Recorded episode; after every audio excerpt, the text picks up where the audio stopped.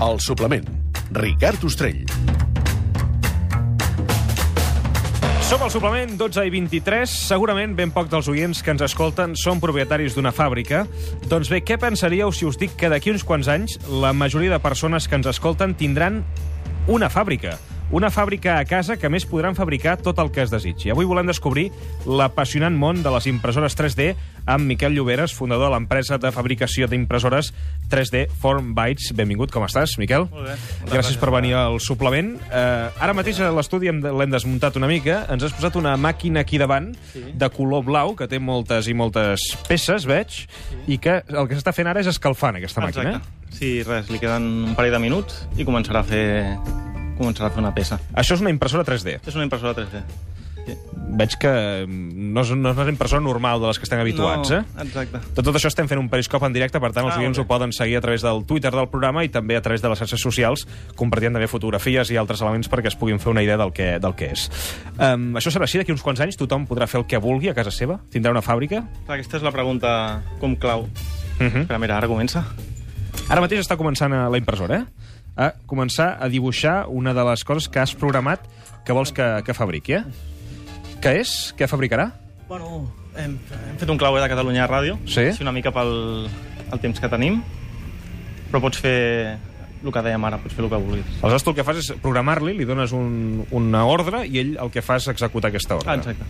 I això ho fa amb quin material? Els materials, bueno, és una de les evolucions que vindran, Eh? cada cop n'hi haurà més, però bàsicament aquest tipus d'impressores 3D treballen amb termoplàstic. És una bobina de fil que es desfà i fas, fas una peça. Tot aquest procés de fer el logo, quan durarà? Aquest procés serà una mitja horeta, més o menys. Mitja horeta, per tant, tindrem aquesta màquina fent aquest, aquest logo i després també compartirem aquest logo amb, amb els oients perquè es puguin Exacte. saber. Però anem a explicar una mica, pas a pas. Què és una impressora 3D? Una impressora 3D sona com algo molt, molt nou, Mm. però realment és una tecnologia que ja ve dels anys 80, que és relativament nova, i és una màquina que tu la pots tenir a casa o la pots tenir a la teva, a la teva empresa i et permet fer objectes materials. Tot el que tu modeles amb l'ordinador ho pots transformar en un, en un objecte, diguéssim. Ens has posat diferents objectes, veig una Torre Eiffel, veig també un Sí. coet d'aquests que van anar a la lluna amb Tintín, Exacte. unes ulleres... Exacte. Eh, o sigui, realment pots arribar a fer molts, molts objectes, eh, amb això? vulguis, sí. Um, I com funciona aquesta impressora? És a dir, tu li dones aquest ordre, dibuixes com una mena de pla, no? És com si fes una mica d'arquitectura, no, en el fons? Sí. Hi ha diverses maneres, dius, ostres, no sé modelar. El tema és eh, tenir un objecte en 3D. Però com passa amb la música, Mhm. tens eh, pàgines web que són repositoris i dius, mira, avui em faré una carcassa d'iPhone, per exemple, Mhm. o del meu mòbil. I fiques el teu nom, te'l descarregues, el fiques a la targeta, és una targeta SD, i la màquina te'l eh, te fabrica. Per tant, aquí la clau són les plantilles, aquests models que necessites per poder desenvolupar aquests objectes, Exacte. que aquí és on crec que hi ha el futur d'aquest negoci, no? Exacte. Perquè la gent, si vol una plantilla concreta, l'haurà de comprar. Exacte. Ara mateix són d'accés gratuït, com funcionen? Sí, ja està com una mica a la, a la frontera de el que està legalitzat i no, mm. com les noves tecnologies sempre passa, però és una mica... Bueno, els grans fabricants ja se'n donen compte, perquè la gent no en, comença, no en compra una peça que se m'ha trencat de casa. Si tenen una fàbrica a casa, li vendré per un cost mínim, com la música, no? diguéssim, 50 cèntims, Sí. li envio a casa i tu, tu fabriques tu mateix. Les impressores 3D primer es van fer servir sobretot en processos industrials, però sembla que ara ja hi ha una moda instaurada que és tenir-ne una a casa, no? És a dir, hi ha impressores 3D domèstiques. Exacte. Aquesta és la, la moda del futur, que tothom acabi tenint aquesta impressora. Clar, aquest és un dels dubtes. No sé si estarà a cada casa, però la gent, les generacions que vindran ara i tinguin una mica de mà amb aquesta tecnologia, segurament l'aprofitaran moltíssim. Clar, la compares amb una de paper que només et permet fer, fer documents al costat d'una que et permet fer objectes, doncs, bueno, comences a veure que, ostres, té moltes possibilitats. Clar, és que pots acabar imprimint per volum, no? Clar, nosaltres aquest Nadal ho dèiem, mira, et compres una impressora però pots fabricar les joguines que tu vulguis amb el teu fill, diguéssim. Perquè tens repositoris, tens... Uh -huh. I és com, bueno, a partir d'aquí pot sortir el que tu, el que tu vulguis. diguéssim. I el material és car? Aquest plàstic que estem, diguem-ne, ara abocant, mentre la impressora va fent, eh, diguem-ne? És, és un material estàndard, no és com les de paper que l'has de comprar al cartutxo al fabricant. Si és un material estàndard és molt, molt barat. Són uns 20 euros al quilo. 20 euros al quilo. Clar, amb un quilo pots fer moltíssimes, moltíssimes peces. Ens truca, en aquest cas, el, el Toni. Uh, Toni, bon dia. Hola, bon dia. Què dius, Toni?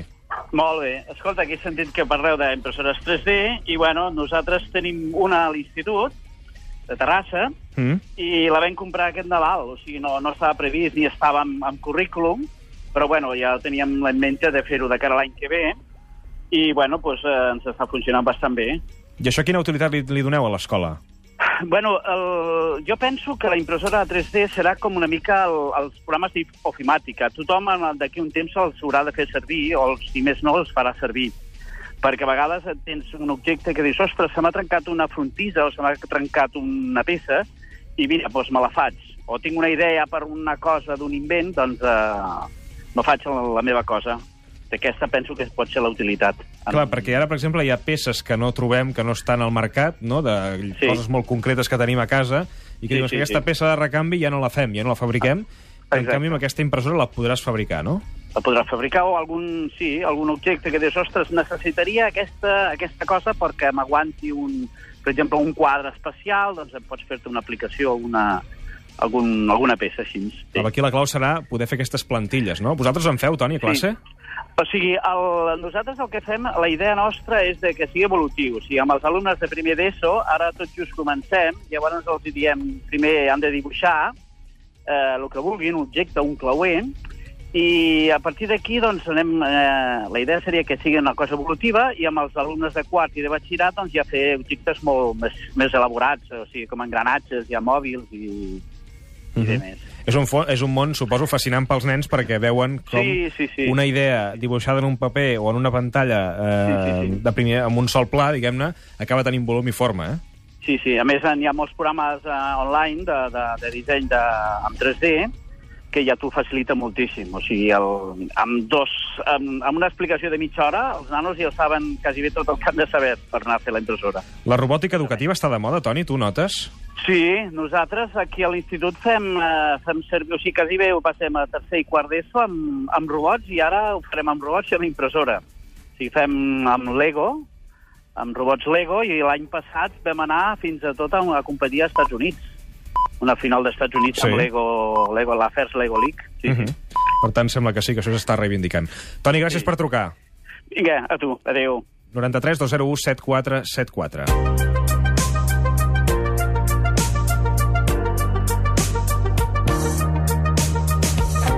Clar, hi ha gent que pot dir, escolta, això està bé, però és un capritxo de, de 4. Però anem una mica al fons les utilitats que pot tenir una impressora com aquesta. Per exemple, eh, aplicacions mèdiques.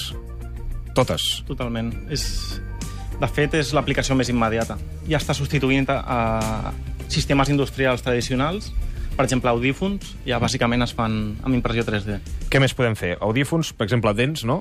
Dents, tot el que siguin pròtesis també a nivell, per exemple, ara surt una notícia d'un metge dels Estats Units, pots Mm. fer cartílegs impresos, pots fer-te...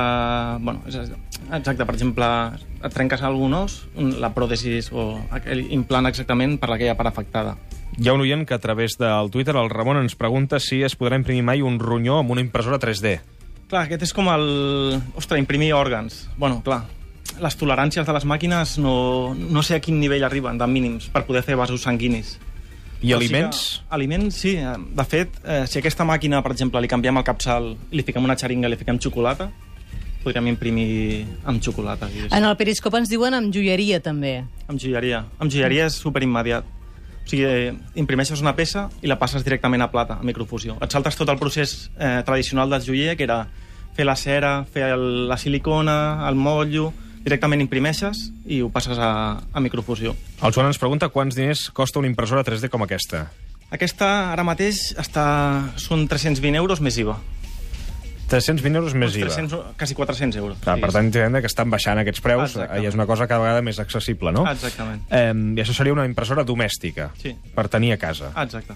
I està previst que això segueixi baixant o creus que és un preu ja que està sí, sí, estable? sí, segur. A la que es posin grans marques que diguéssim, com les de paper, no? que dius, bueno, Sí. costa 60 euros, doncs segurament...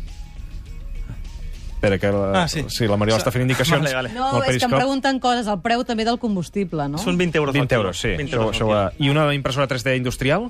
Industrials són, són cares, són molt cares. Són, bueno, ja te'n vas als 60, 100.000 euros.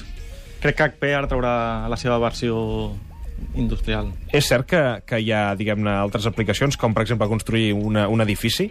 Sí, Això es pot fer una impressora 3D? Sí, sí, sí. De fet, nosaltres, bueno, jo concretament vinc del, del LLAC, de l'Institut d'Arquitectura, i el 2009 ja fèiem això. O sigui, teníem un robot industrial, li ficàvem formigó o ceràmica i fèiem components d'escala 1 Les impressores 3D també han servit per fer també altres aplicacions, com per exemple aplicacions més artístiques.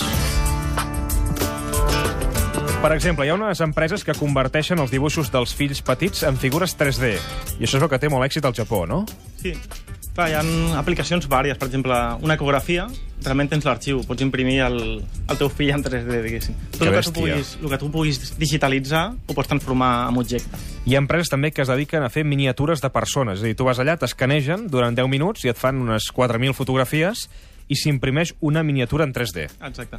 És un altre tipus de, mà- de màquina, que és a tot color, i sí, pots t'escaneges directament i fas el, el teu, la teva figura, diguéssim. I també l'any passat el francès Gilles Deschaux va fer la seva primera pel·lícula d'animació feta exclusivament amb objectes i figures fetes amb impressores 3D. Va utilitzar 2.500 objectes diferents. I això va necessitar uns 8.000 litres de resina i més de 10 mesos de d'impressió. Perquè diguem-ne que el que va més malament o que està per millorar és el temps, no ara mateix? El Exacte. temps i els materials que s'utilitzen per poder imprimir. Sí, diguéssim, la, la impressió 3D està a l'escala dels plotters. Quan les impressores 2D eren complexes i ara són de paper, que dius, bueno, faig un document Word i l'imprimeixo, Mm. el nivell de la impressió 3D encara està com el... per començar, diguéssim. Miquel, tu creus que la robòtica acabarà destruint llocs de feina? Destruint no, però adaptant. Eh, ens haurem d'adaptar. Bueno, em feia molta gràcia un company a una, bueno, una xerrada que vam fer que va dir bueno, és que clar, les noves tecnologies ens, ens agafaran els llocs de feina. Haurem de pensar què fem amb el nostre temps lliure. Era com la versió optimista. Però clar, les impressores 3D, quan siguin multimaterials, et per- permetran fer un objecte d'una tirada amb tot, sense ensamblar, diguéssim. Hem fet un xiulet que l'imprimeixes amb la bola dins.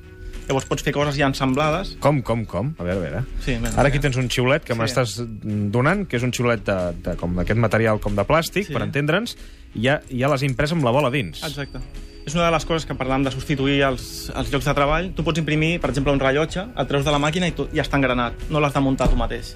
I suma-li eh, poder fer multimaterials, que tu treguis una bamba de la màquina, o sigui, tot el procés de Henry Ford d'anar muntant una peça, enviar-li una altra i una cadena de muntatge substitueix per una tirada d'una sola màquina. diguéssim. Per tant, transformes tot el que seria el procés industrial. En certs sectors sí. És una mica una utopia, però realment en certs sectors sí que ja serà quasi immediat. Això. En el seu discurs anual de l'any 2013, Obama va dir que tenen el potencial de revolucionar la manera de com ho fem eh, realment tot. Parlava de les impressores, en aquest cas 3D. En aquest futur que tu t'imagines, com seran les impressores 3D? Quin paper hi jugaran? El més immediat i molt avantatjós que veig jo és la fabricació a quilòmetre zero, diguéssim. Ara et compres alguna que t'han d'enviar de Xina, tu imagina't una empresa de transports, jo què sé, UPS, la que sigui, que Mhm. té una impressora 3D a Barcelona, ja no d'encomanar la teva peça a Xina, sinó que la fabriquen ells mateixos i te l'envien a casa. Llavors, tot el tema de, de combustibles, d'enviaments, de fabricar-te localment, eh, aquesta serà com una de les, de les avantatges. I amb indústria, claríssim. És, La. Maite també ens ha enviat un tuit eh, que pregunta si diu que té un vinil, un tocadiscos de vinil antic, si eh, podrà recuperar, per exemple, l'agulla, que diu que no troba aquesta edició d'agulla, si això es podrà fer amb aquest tipus d'impressores. I tant, sí, sí. Hem tingut usuaris que estan fent coses descatalogades. Doncs, eh, restaurant motos, eh, components que ja no existeixen, doncs els podràs fer sense cap problema. Com va el logo de Catalunya Ràdio? Recordem que estem construint Sí, ara mateix està. amb la impressora un logo de Catalunya Ràdio que servirà de clauer, eh? Exacte. És com una barra petita d'uns Sí. uns 5 centímetres aproximadament de llarg i dos de, de gruixut, diguem-ne, en la qual porta el logo de, de Catalunya Ràdio, eh? Exacte. Aquesta és una plantilla que ja existeix, que ja està feta, o Clar, l'has creat tu? L'hem fet nosaltres. Que l'heu creat vosaltres. Sí, sí, sí. sí. Val, doncs La ara estem seguint... internet, si sí, voleu, sí, sí, sí. fer. Ho hem seguit també a través del periscop del programa i ho acabarem de seguir perquè nosaltres ara continuarem, per si de cas, Miquel, et tenim aquí present per poder seguir explicant com avança, en aquest cas, aquesta impressió i li regalarem potser la Sor Lucía Caram, no? Sí, ens han saludat des de Palafolls, des de Palafrugell i molta gent que s'ha connectat a, a través de- d'aquest vídeo en directe que hem fet. Impressores 3D, sembla que és el futur, i avui també n'hem parlat amb el Miquel Lloberes, que és fundador de l'empresa d'impressores 3D Formbytes, eh, que ha vingut avui al suplement també a imprimir-nos aquest logo que ara seguirem a l'antena de Catalunya Ràdio. 3 minuts i arriba Sor Lucía Caram amb Los Vivancos. Moi, moi, moi, j'aime bien le sexe.